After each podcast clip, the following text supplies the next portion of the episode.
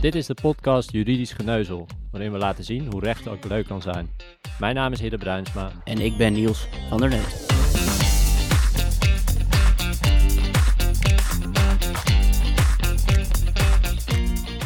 Tien jaar geleden begonnen wij samen aan de studie recht aan de UvA.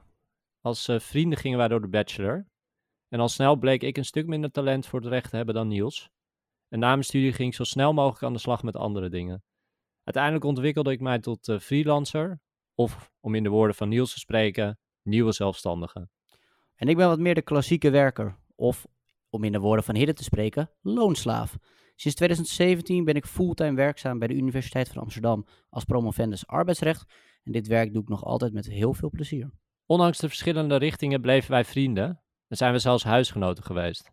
De afgelopen jaren hebben wij gemerkt dat mensen het recht eng, ongrijpbaar of zelfs vreselijk saai vinden. Met deze podcast willen we dan ook op een toegankelijke manier laten zien hoe het recht in elkaar zit en dat recht ook leuk kan zijn.